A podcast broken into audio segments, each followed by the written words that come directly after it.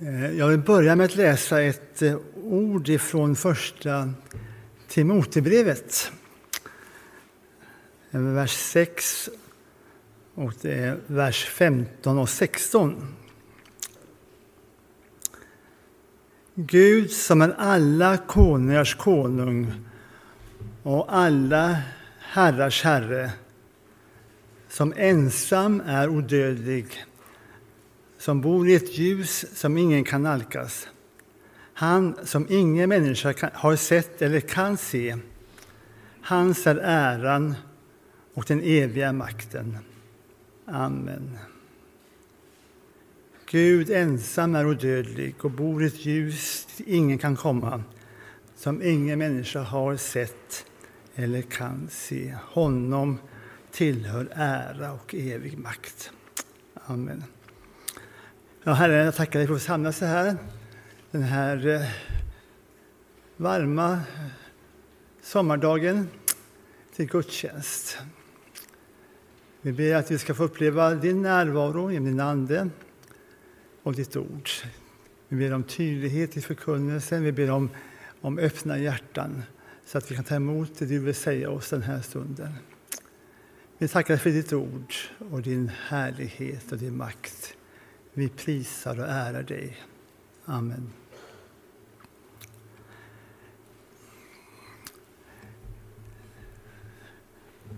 Om Gud bor i ett ljus som ingen kan nalkas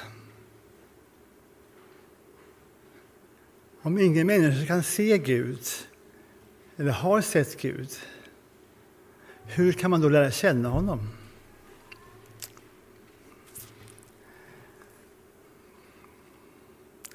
För ganska många år sedan så hade jag eh, ett par bibelstudiedagar i Indien för eh, predikanter som jag jobbar mycket med då.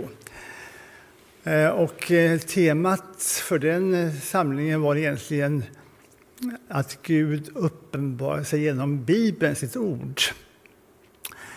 Men jag började lite öppet och frågade bara, hur tror ni att Gud uppenbarar sig? Hur upplever ni att Gud uppenbarar sig för oss människor? Och sen så hade jag någon framme som skrev på tavlan då, olika punkter. Och eh, det som hamnade i topp, vet du vad det var? Genom drömmar var det första. Och det fanns inte med på min lista. Alltså jag, jag vet att Gud är på sina men man har ju läst och hört. Men det var inte med på min lista. Jag hade många grejer på min lista som jag hade förberett i tankarna och så. Men det fanns inte med. Men det låg högst upp. Gud uppenbaras genom drömmar var den första toppnoteringen.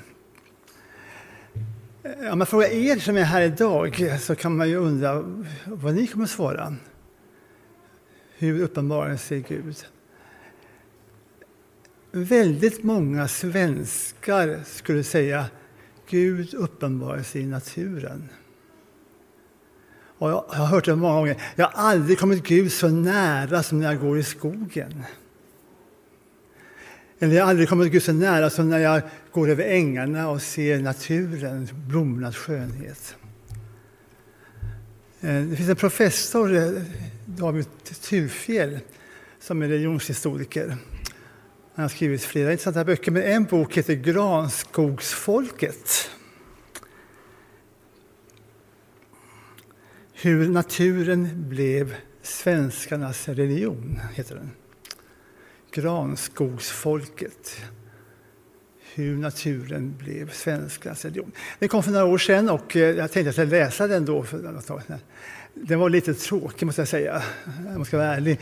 Men själva rubriken är ju intressant alltså. Att vi på något sätt som människor har blivit ett granskogsfolk, eller det kan vara ängarnas folk också, eller det kan vara mjölkkornas folk, vad ni håller på med, eller, eller bergens folk. Men det är naturen och i skapelsen som vi på något sätt upplever Gud väldigt nära. Eh, och det kanske har att göra med, med, med våra årstider, med vinterns kyla och bundenhet och mörker och sommarens ljus och härlighet. Eh,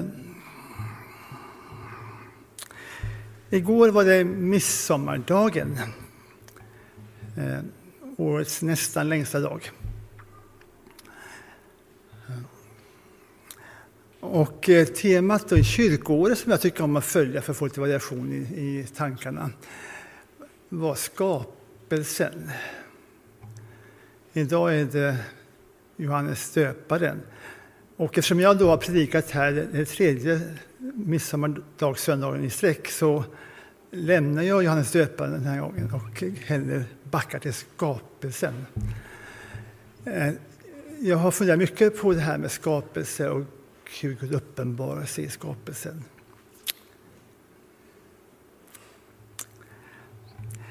Den här eh, salmen som jag tycker är kanske den vackraste av sommarsalmerna, Eh, psalm 201, En vänlig grönskas rika dräkt.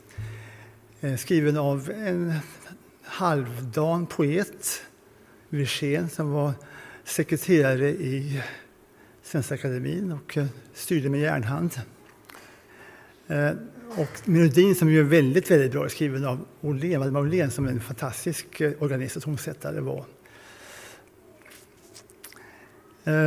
Den salmen talar till oss väldigt mycket. En vänlig grönska. Nu är det lite för varmt och torrt egentligen för att verkligen uppskatta det. Men ändå, i hjärtat i botten så upplever vi det här som... Ja, det, det på fångar både oss själva och Sverige och, och också lite vår, vår livsinställning.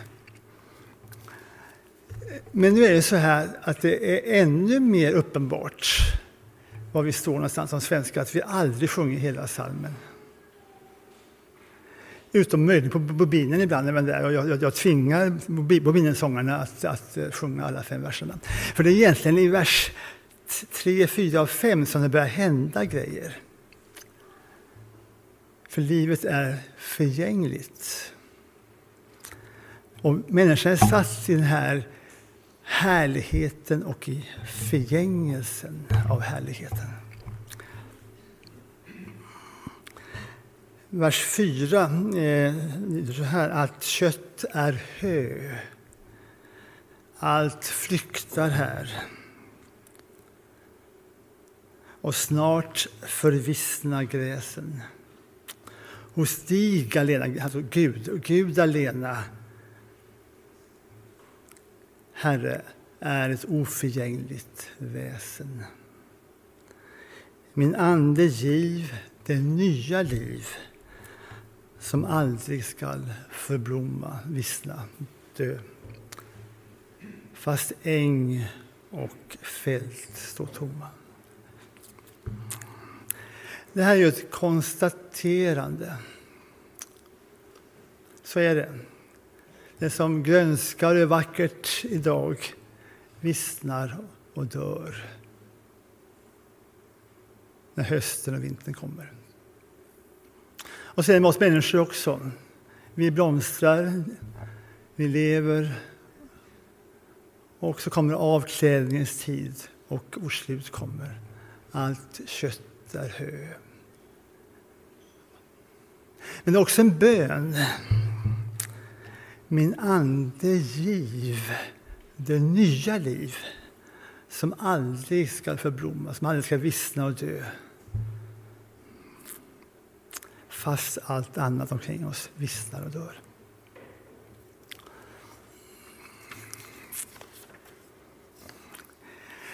Den Gud som vi tillber och ärar och upphöjer är alltså en Gud som skapar. Han är en skapargud. Han är skaparen. Bibeln börjar ju med det faktiskt. Alltså, den bok som vi håller helig och härlig och som vi vänder oss till börjar ju med att Gud skapar himmel och jord. I begynnelsen skapade Gud himmel och jord. Gud skapade universum i all dess mångfald och skönhet och härlighet och komplexitet som vi förstår mer och mer av när vi ser på Vetenskapens värld och andra sådana här program.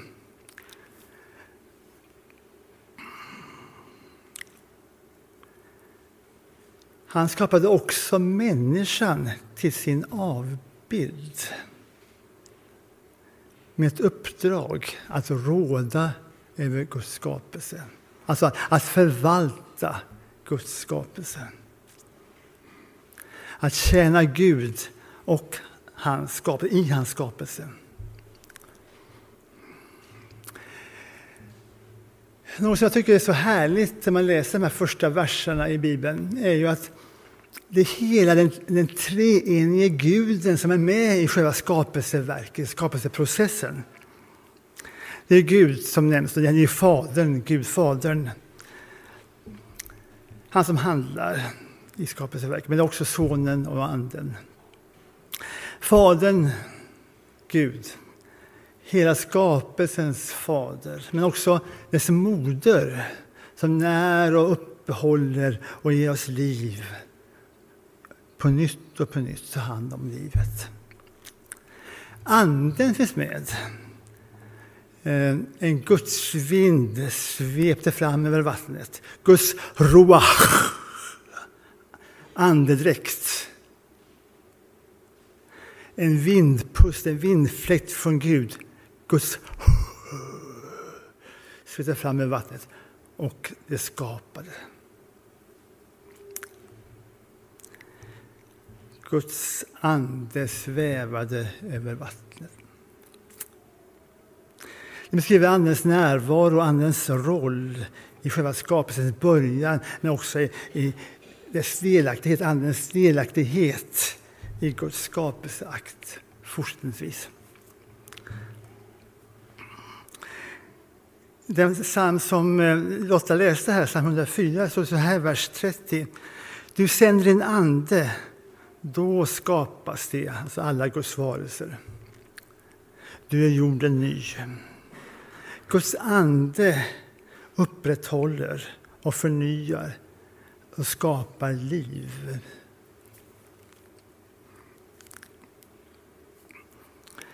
I Jesaja 32 så finns det en profetia egentligen om, om, om Israel och dess, hur det ligger öde och tomt och gudsfrånvänt. Och så står det så här i Jesaja 32, vers 15.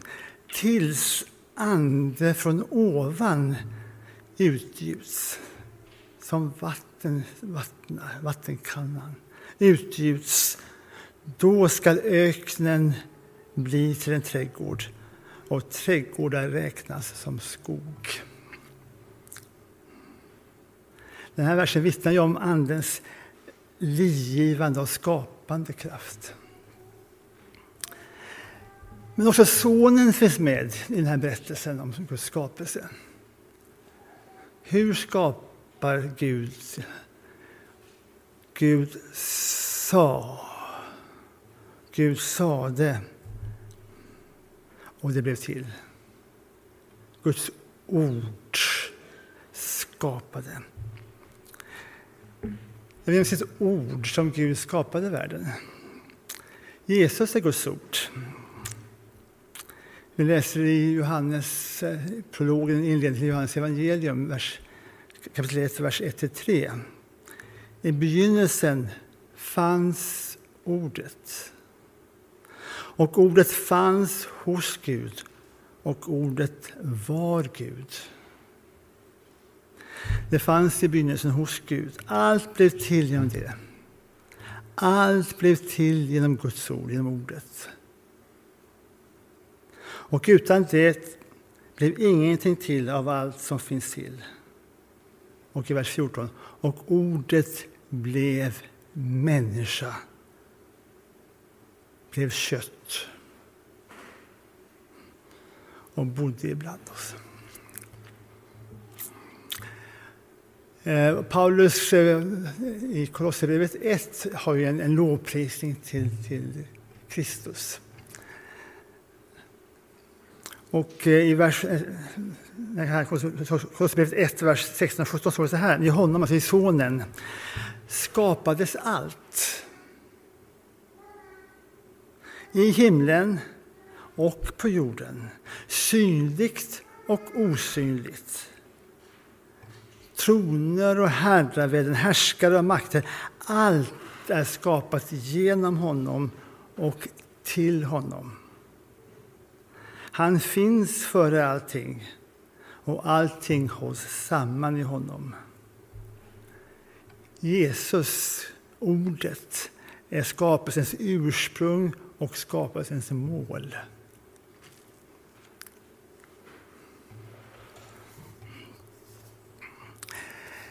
Men skapelsen, enligt den här berättelsen då i Första Mosebok, är inte bara Guds uppdrag till människan utan också Guds gåva till människan.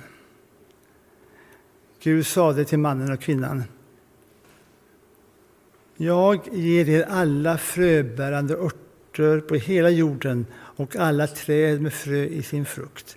Detta ska ni ha att äta.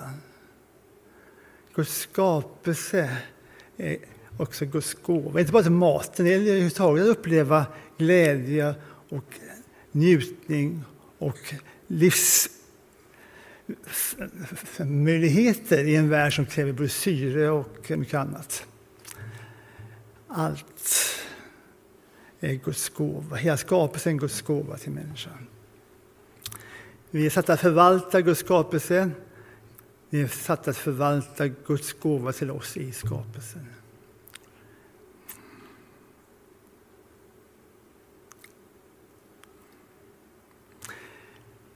En sak som jag tror jag måste komma ihåg att eh, vi lever i en fallen värld. En brusten värld. I eh, den här berättelsen om, om Guds, hur Gud skapade allting i jorden den slutar egentligen, med, nästan i alla fall, med, med, med ett, en slags sammanfattning av, av eh, kvaliteten på Guds skapelseverk. Gud såg att allt som man hade gjort var mycket gott. I början var Guds skapelse alltigenom god.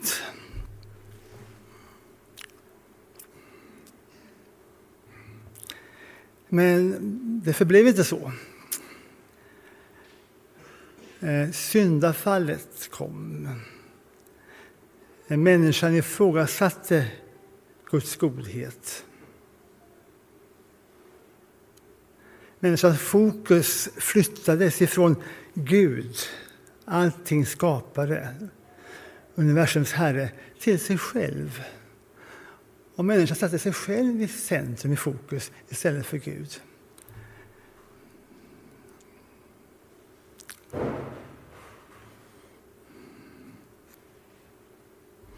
Istället för att komma ihåg Guds godhet och leva i Guds uppdrag och vilja så lever man i sin egen vilja, egna planer, egna idéer. Man tappar fokus. Man tror inte längre att Gud är god, bryr sig. Skapelsen blir liksom en krossad spegel kan man säga. Om man slänger en spegel, i alla fall en mindre spegel i golvet. Och sen har man alla dessa skärvor som alla reflekterar lite grann av det ursprungliga men som ändå inte är riktigt helt och, och rätt. Men när skärmarna reflekterar, speglar skapelsens ursprungliga godhet. Och det är det vi ser när vi är granskogsfolk, eller när vi är ute och går på ängen, eller när vi njuter av fågelsången. Det är skärvorna, reflexerna, återspeglar av Guds ursprungliga skapelse och härlighet. Och det är därför som vi kan sjunga idag, den här en vänlig grönskas rika dräkt har smyckat dal och ängar. Nu smekes... Ja, någonting. Ja, min, alltså, jag har bara fan, men, men ni vet hur det går. Så. Det är just därför att det finns kvar Guds ursprungliga plan och skapelse, men inte helt och fullt och inte helt. Det är splittrat.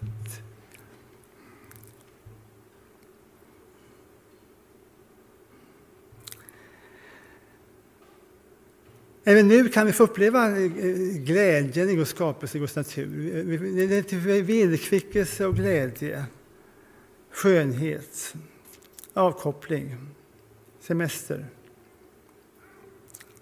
bad i sjön, skogsvandringar, Utsikter från bergens toppar. Jesus säger så här i bergspredikan. Gud, som är en god Gud, låter sin sol gå upp över onda och goda och låter det regna över rättfärdiga och orättfärdiga. Att Guds godhet finns kvar, men inte som den var från början därför att vi har förstört den av Guds plan. Alltså, syndafallet förstörde delvis Guds skapelse. För människans del handlar det om, om flera saker, men bland annat om olydnad. Synd. Och fel fokus. Fokus på sig själv. Det är inte ofta jag talar om mig själv, men jag ska göra det idag. Jag, tänkte lite grann. jag, jag har sagt det lite grann om, om ja, Indien. Men, eh, jag har funderat ganska mycket på hur jag kom till tro, hur jag fick mitt liv som det blev. Och eh, det är egentligen två händelser som jag kan liksom minnas fortfarande och som jag tror har varit avgörande egentligen för mig, mitt liv. Den första hände när jag var barn. Jag kan inte komma ihåg om jag var nio, eller tio eller elva år. Något sånt. Vi bodde i alla fall i Indien, mina föräldrar var missionärer i Indien. Och det var eh, eh, miss, nej, inte midsommar, det var, det var nyårsvaka. Var det. nyårsvaka inne och pappa var iväg på något möte i församlingen där. Och mamma var hemma och vaktade oss barn. Och eh, vi låg under våra, i våra sängar under våra myggnät och eh, förväntades sova. Men jag fick en sån fruktansvärd syndanöd när jag låg där. Och nu var jag präglad av, jag var präglad av möten och mina föräldrar och så, det var det, klart jag var. Och också av böcker och tidningar jag läste. Vi fick de här Barnens härad och sådana tidningar skickade till oss i Indien. Så jag läste många sådana här eh, uppbyggliga och berättelser. Men det var inte bara det, det var, det var något, alltså en slags livsångest som jag upplevde som barn. Och jag hade inte ord för det egentligen, fast jag hade läst mycket, mycket, mycket texter. Men jag kunde inte ligga kvar. Jag gick upp och, och, och eh, gick till mamma och sa jag känner mig så smutsig. Smutsig sa hon, men det alltså? Smuts, jo, inuti, smutsig inuti sa jag. Det var mina ord för det. Och hon förstod genast vad det gällde, så hon sa jag ska be för dig. Så jag gick liksom ner vid sängen där och så bad hon frälsningsbönen med mig. Eh, det var det här, alla har vi syndat, även barn, och är i avsaknad av härlighet från Gud. Men alla kan vi få uppleva syndaförlåtelse och nåd. Eh, det var nog min riktiga frälsningsupplevelse tror jag, den gången när jag var barn. Men sen är det en annan händelse som egentligen betyder ännu, alltså ännu mer, men, men nästan lika mycket för mig. Eh, och det skedde när jag var tonåring. Tonåringar är vi är som vi är när vi är tonåren. Eh, och, och, man blir väldigt självfokuserad. Och, och, jag var ganska bra i skolan så jag hade mycket planer med studier och allt det här. Jag gick i gymnasiet då fortfarande. Och jag hade massor med, med tankar och idéer för mitt liv och framtiden och så. Och där fanns inte Gud med i den bilden. Men en dag, en solig höstdag, jag var hemma, vi bodde själva egentligen, jag och min bror, i Norrköping. Jag var på väg till, tillbaka till skolan, i gymnasiet. Och eh, då stod mig tanken, men vad dum jag är alltså. Jag vet ju vad som är bäst, vilket fokus jag ska ha i mitt liv. Och ändå går jag och liksom tänker mina egna planer. Och på vägen, den 15 minuters promenad från hemmet och lägenhet till skolan i Norrköping eh, med eh, väskan i hand så här, så sa jag bara Gud, jag vill få rätt ordning på mitt liv. Och det var så här, det var som en... Alltså, jag hade ingen ryggsäck, men jag hade fast den hade fallit av. Alltså, det hade gjort. Det, det, var, det var helt, helt, alltså det var så enkelt. Och när jag kom till skolan då, när senare, så hade jag fått ett annat fokus i mitt liv. Jag gick fortfarande kvar i gymnasiet, men, men, men då, det var början på, på något helt annat, ett helt nytt liv. Att få fokus på Gud och Guds rike istället för att få fokus på mig själv och mina egna planer. Följa Jesus. Och lite senare samma höst så döptes jag i Pingstkyrkan Norrköping. Jag har beslutat att följa Jesus och aldrig mer tillbaka gå. Ehm, ja, det, mitt liv förändrades sen efter det. Sen behöver vi alltid, ständigt, ständigt, varje vecka, varje dag eh, få vår fokus justerade och uppleva också syndaförlåtelse och nåd. Men någon gång ska vi börja.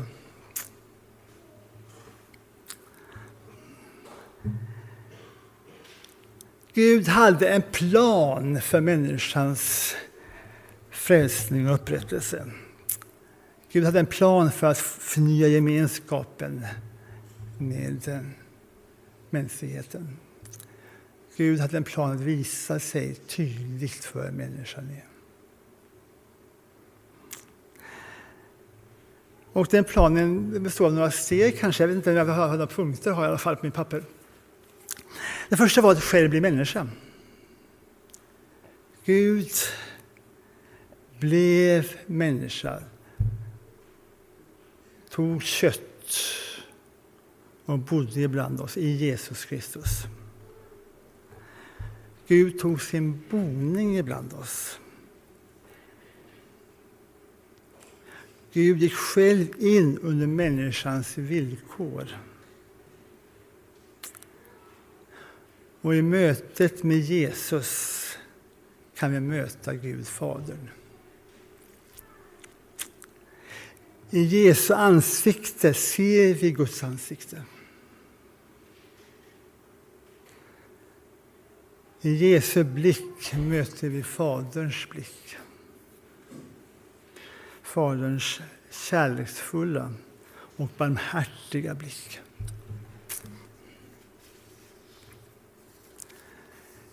Nästa punkt, att genom sin död på korset, Guds död på korset, Sonens död på korset, Ordets död på korset, bringa försoning för vår synd och skuld.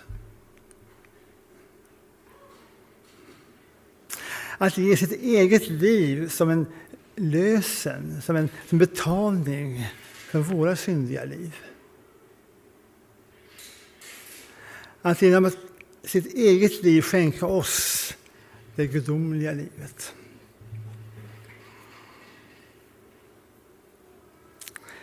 Min nästa punkt.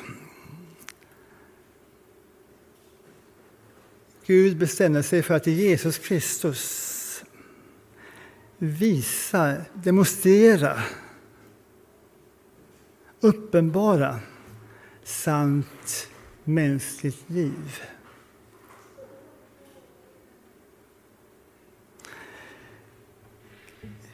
Jesus visar inte bara vem Gud är och hur Gud är.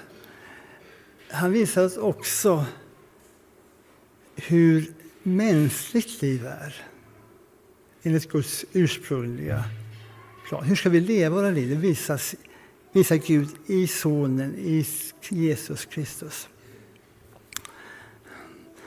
Och min fjärde punkt är att i gemenskap med Sonen leda oss som tror in i gemenskap med Fadern. Vi får ta vår storebror i handen och gå hem till Fadern, min storebror och jag. Leda oss in, bort från mörkret och in i ljuset. Det första Gud sa när han skapade var var det ljus och det vart ljus och det blev ljus.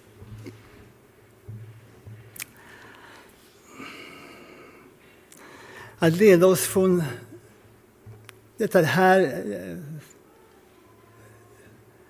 eh, väldet vi lever i nu, riket vi lever i, in i Guds rike. Där Gud själv ska bo ibland oss. När vi ska vara Guds folk. där Gud själv ska vara hos oss. Det är i Uppenbarelseboken finns de här texterna. Där Guds härlighet lyser över oss och där Lammet, Jesus, sonen, är vår lampa. Det ljus som vi ska leva i. Där ska vi se Guds ansikte och för evigt tillhöra honom.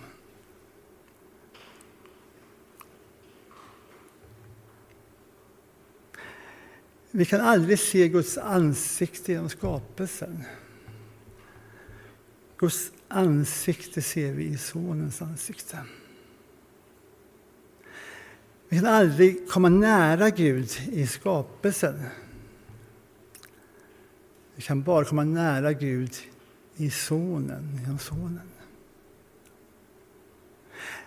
Vi kan aldrig komma in i Guds rike genom att dyrka skapelsen.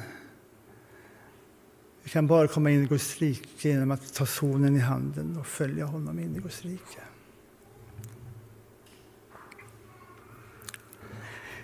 Vi behöver alla uppleva Guds frälsning. Hur fina och duktiga vi än är. Vi behöver alla få våra synder förlåtna. Vi behöver alla göra sinnesändring och omvända oss. Vi behöver alla födas på nytt. Vi behöver alla få del av Andens nya liv. Johannes 1, vers 12 och 13. Men åt dem som tog emot Jesus, honom, ordet, det sanna ljuset, gav han rätten att bli Guds barn. Åt alla som tror på hans namn, som blivit födda inte av blod, inte av kroppens vilja, inte av någon mans vilja, utan av Gud. Född av Gud, född av Anden. Och i samtalet mellan Nikodemus och Jesus i Johannes 3 så säger Jesus så här till Nikodemus. Sannerligen, jag säger dig, den som inte blir född på nytt kan inte se Guds rike.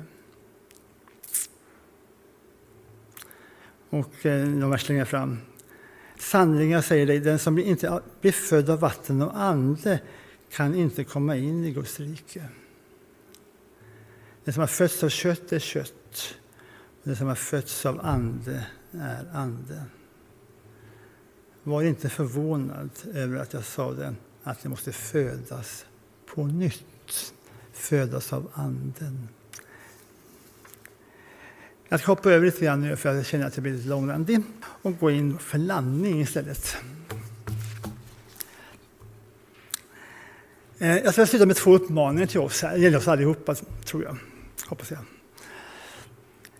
Det första är att vi ska njuta av och ta vara, ta hand om Guds skapade värld. Så länge vi lever här på jorden. Men samtidigt ska vi vara medvetna om livets förgänglighet. Paulus beskriver konsekvensen av syndafallet så här i Romarbrevet 8, vers 20. Allt skapat har lagts under tomhetens välde. Inte av egen vilja, utan av honom, av honom som vållade. Det är alltså syndafallets Adam. Vi vet att hela skapelsen ännu ropar som i födslovåndor. Alltså Paulus bild här är att skapelsen väntar på en pånyttfödelse, en förnyelse, en nyskapelse.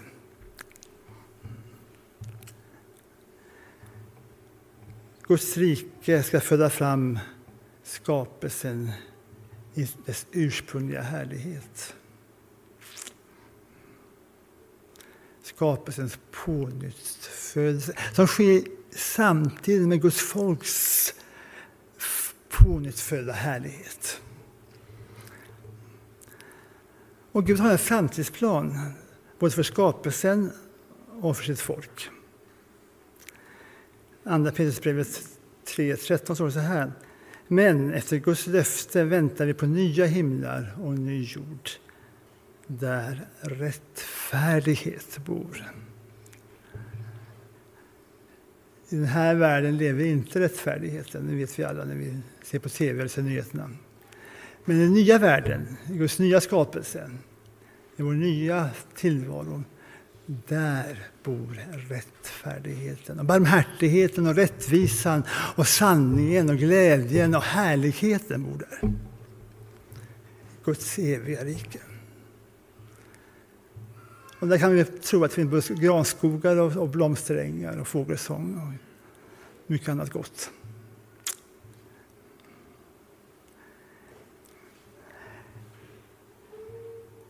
Min andra uppmaning. Medan vi väntar på att Guds löften ska uppfyllas så ska vi låta våra liv ledas och styras av Guds ande. Varför då? Jo, så att vi kan användas i Guds rikets tjänst. Och också så att våra egna liv, vi själva, våra liv, blir mer och mer präglade av Jesu ande. Så att vi blir mer och mer Kristuslika. Så det känns två front, dubbel front här. Det ska vi jobba med för Guds rike, i tjänst för Guds rike. Men vi ska också jobba med att, att reflektera Guds rike, att bli mer lika vår Herre och Frälsare Jesus Kristus. Och det ska vi hålla på med så länge vi lever, så länge vi orkar. Gud har satt oss till den här världen. Gud har frälst oss från den här världen. Gud har gett oss en, en mål och mening i våra liv och det är att tjäna honom och att så småningom bli lika Sonen och att vi får se Guds ansikte i hans framtida härlighet.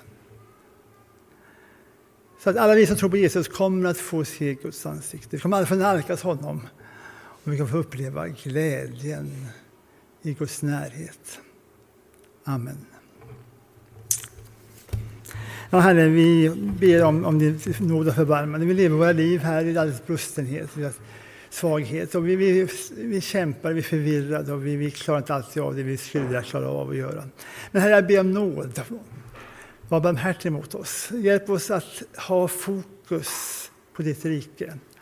Och hjälp oss att växa i tron på dig och i Kristuslikhet medan vi lever våra liv här på jorden. Jag ber i Jesu namn. Amen.